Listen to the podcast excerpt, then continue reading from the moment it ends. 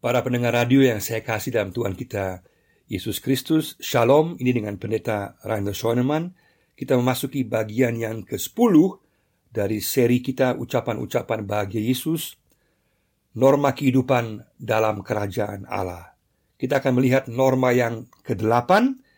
Kita baca dari Matius pasal 5 ayat 10 sampai 12. Matius pasal 5 ayat 10 sampai 12. Berbahagialah orang yang dianiaya oleh sebab kebenaran, karena merekalah yang empunya kerajaan sorga. Berbahagialah kamu, jika karena aku kamu dicela dan dianiaya, dan kepadamu difitnahkan segala yang jahat. Bersukacitalah dan bergembiralah, karena upahmu besar di sorga. Sebab demikian juga telah dianiaya nabi-nabi yang sebelum kamu. Ucapan bagi yang ke-8 ini ada kaitan dengan ucapan bahagia yang keempat, itu sikap haus dan lapar akan kebenaran. Dan sekarang ucapan yang ke-8 ini adalah tindakannya, yaitu kita bersedia menderita demi kebenaran. Dalam ucapan bahagia ini juga sekaligus sebagai ucapan bahagia yang terakhir mengatakan bahwa semua orang Kristen, semua orang yang pengikut Yesus yang mencari kebenaran, yang mengupayakan damai, yang mementingkan kepentingan orang lain di atas kepentingan diri sendiri, yang meratapi dosa, semua orang yang mau memperlakukan norma-norma kerajaan Allah, mereka akan mengalami penderitaan. Mereka akan difitnah, akan dianiaya, akan dicela. Itulah situasi yang Yesus juga alami dan juga akan dialami oleh setiap pengikutnya. Berarti mengikuti norma-norma kerajaan Allah juga adalah menanggung konsekuensi penderitaan dalam Matius pasal 10 ayat 16 dan seterusnya, Yohanes 15 ayat 18 dan seterusnya, Yesus mengajarkan kepada para murid bahwa apa yang dia alami, dibenci, difitnah, dianiaya juga akan dialami oleh para murid. Dengan demikian maka aspek penderitaan adalah juga bagian daripada kehidupan orang Kristen, bagian daripada kehidupan seorang pengikut Yesus. Dalam Filipi 1 ayat 29 dikatakan hal yang sama, 2 Timotius 3 ayat 12, juga 1 Petrus 3 ayat 13 dan seterusnya. Dalam perjanjian banyak banyak ayat-ayat yang menekankan bahwa penderitaan juga adalah bagian daripada kehidupan orang Kristen. Banyak orang beranggapan ikut Yesus serba mudah, serba gampang, seolah-olah tidak ada masalah, bahkan mengkotbahkan seolah-olah ikut Yesus, permasalahanmu semua beres, tidak mungkin kamu akan menghadapi masalah, tidak mungkin ada penderitaan. Ini jelas-jelas keliru. Yang benar adalah betul Yesus memberikan kedamaian, keselamatan, pengampunan dosa, kepastian kehidupan kekal, jaminan pemeliharaan penyertaannya, semua benar. Tetapi di tengah-tengah keadaan dunia saat ini, di mana juga akan ada penderitaan dan juga kesulitan. Bahkan kalau orang mengatakan saya tidak pernah mengalami masalah atau tantangan apa pun sebagai pengikut Yesus, maka kita perlu curiga mungkin orang itu telah kompromi, tidak sungguh-sungguh menghidupi norma-norma kehidupan kerajaan Allah. Karena norma-norma kehidupan kerajaan Allah pasti akan bertentangan dengan pola-pola hidup dalam dunia yang dipenuhi dengan kebencian, kepentingan diri sendiri, dan juga sikap tidak mencari kebenaran, bahkan menekan kebenaran dan bahkan membenci kebenaran. Dalam Filipi 1 ayat 29, Paulus katakan, Sebab kepada kamu dikaruniakan bukan saja untuk percaya kepada Kristus, melainkan juga untuk menderita bagi dia. Berarti penderitaan adalah bagian daripada kehidupan kita sebagai orang-orang percaya. Apakah kita bersedia menanggung konsekuensi penderitaan ini? Tidak mudah. Yesus pernah membuat perumpamaan dalam Lukas 14 ayat 25 dan seterusnya. Dia mengatakan bahwa orang yang mau mengikut dia harus sebelumnya membuat perhitungan lebih dahulu. Untung ruginya ikut dia. Bukan sembarang ikut Yesus. Tahu ada konsekuensi penderitaan. Kalau tahu saya bersedia menderita, maka dia bisa menjadi pengikut Yesus. Dalam kisah Rasul 14 ayat 22 dikatakan, untuk masuk kerajaan Allah, kita harus melewati banyak penderitaan. Artinya penderitaan sejak awal daripada kehidupan orang Kristen merupakan bagian yang nyata. Jemaat mula-mula dikejar, dianiaya. Dan juga kemudian kita lihat sepanjang 20 abad yang lalu, begitu banyak orang Kristen yang percaya pada Yesus mengaku kepadanya menghidupi norma-norma kerajaan Allah, mengalami tantangan yang luar biasa, dianiaya, bahkan dibunuh. Tetapi faktanya adalah semakin Injil dihambat, semakin Injil merambat. Semakin orang mementingkan norma-norma kehidupan kerajaan Allah, pengaruhnya semakin besar dan semakin merambat, mempengaruhi dunia secara keseluruhan. Luar biasa. Maka penderitaan juga membawa berkat yang luar biasa. Di sinilah menderita karena aku. Yesus katakan menderita karena aku. Yesus menyamakan dirinya dengan Allah. Karena pasangannya adalah Yesus dengan Allah dan para murid dengan Nabi di sini. Artinya, kesetiaan kepada Yesus sama dengan kesetiaan kepada Allah.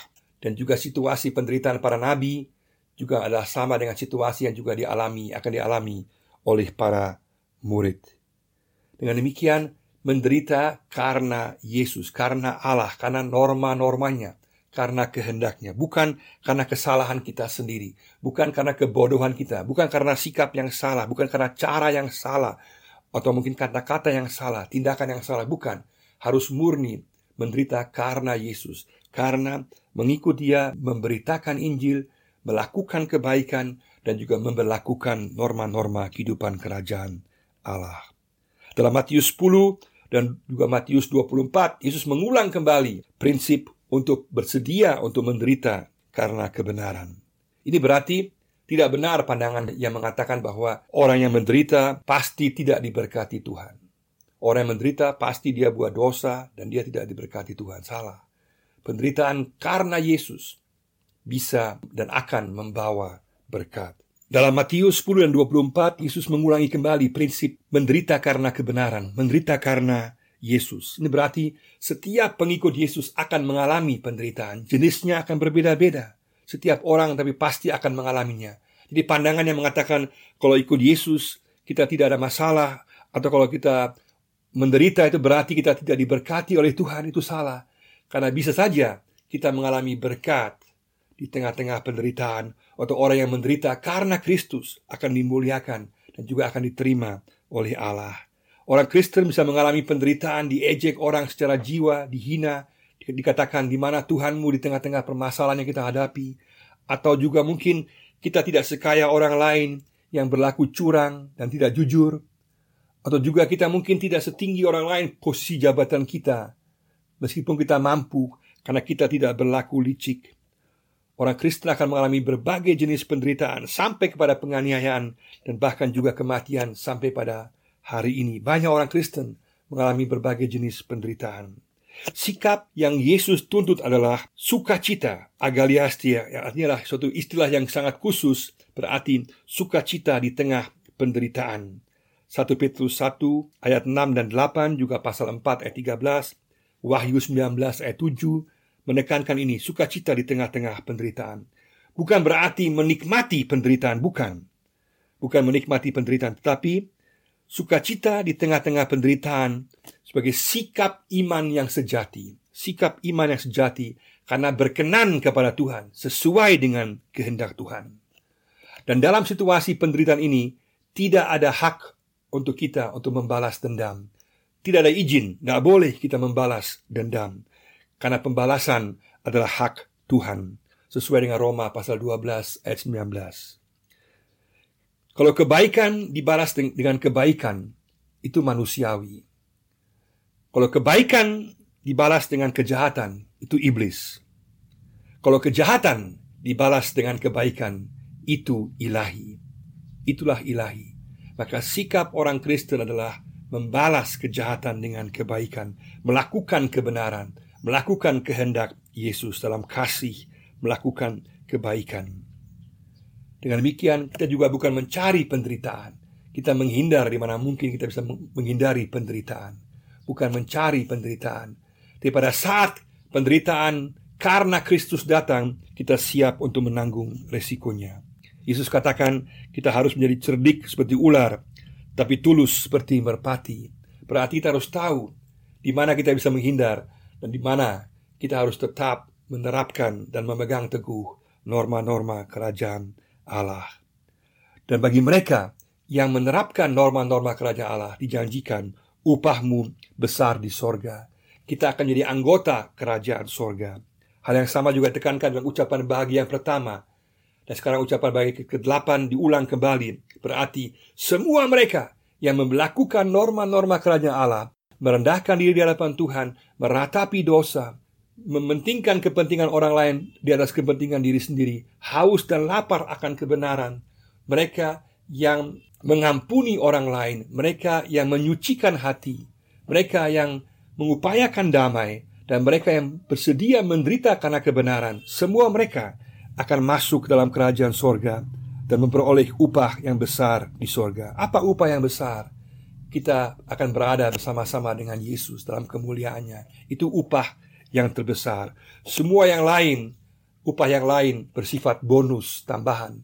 Kita nggak usah pusing masalah bonus dan tambahan ini. Yang penting kita bersama-sama dengan Yesus dan kita berada dalam kemuliaan bersama-sama dengan Yesus. Dan Yesus juga menjanjikan bahwa kita tidak akan diuji melebihi kemampuan kita.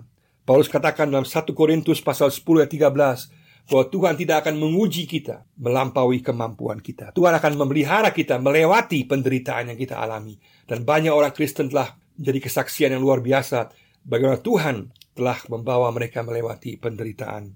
Dalam segala penderitaan yang kita alami, kita perlu tahu bahwa Tuhan tidak menguji kita melebihi kemampuan kita. Dia akan memelihara kita, akan menolong kita, akan menyertai kita sehingga kita mampu untuk melewati penderitaan itu. Sesuai dengan 1 Korintus pasal 10 ayat 13, Paulus katakan dengan sangat jelas bahwa Tuhan tidak akan menguji kita melewati kemampuan kita. Dengan demikian, maka kita boleh tahu bahwa pemeliharaan Tuhan pasti di tengah-tengah penderitaan. Penyertaan Tuhan pasti, penghiburannya pasti. Dan banyak orang telah menjadi kesaksian yang luar biasa bagaimana Tuhan telah menolong mereka di tengah-tengah penganiayaan, kesulitan yang mereka alami. Dan bahkan kesulitan penderitaan tersebut menjadi kesaksian dan membawa banyak orang lewat pelayanan kasih untuk mengenal Yesus. Kita perlu melihat juga bahwa penderitaan yang kita alami harus kita lihat dari sisi kekekalan. Kita harus melihat bahwa apa yang kita alami saat ini tidak sebanding dengan kemuliaan yang Tuhan mau berikan kepada kita. Dalam 2 Korintus pasal 4 ayat 17, Paulus mengatakan dengan sangat jelas, Sebab penderitaan ringan yang sekarang ini mengerjakan bagi kami kemuliaan kekal yang melebihi segala-galanya, jauh lebih besar daripada penderitaan kami. Dengan demikian maka pemeliharaan Tuhan akan pasti menyertai kita. Kemuliaannya yang dia berikan jauh melebihi penderitaan yang akan kita alami atau sedang kita alami. Pada saat ini Tuhan memanggil kita untuk bersedia untuk mau menderita karena kebenaran. Maukah kita menanggung resikonya? Maukah kita menerapkan norma-norma kerajaan Allah dalam kehidupan sehari-hari kita dan tengah-tengah masyarakat? Mari sama-sama kita membuat komitmen. Kita mau bersedia menderita demi kebenaran. Mewujud nyatakan norma-norma kerajaan Allah dalam kehidupan kita. Mari sama-sama kita menunjukkan bahwa kita berbeda. Kita tampil beda karena kita adalah warga kerajaan Allah yang menerapkan menghidupi norma-norma kerajaan Allah. Dan Tuhan akan menyertai memberkati kita. Dan Tuhan akan memberikan kemuliaan kekal bagi kita. Kiranya Tuhan memberkati kita semua. Amin.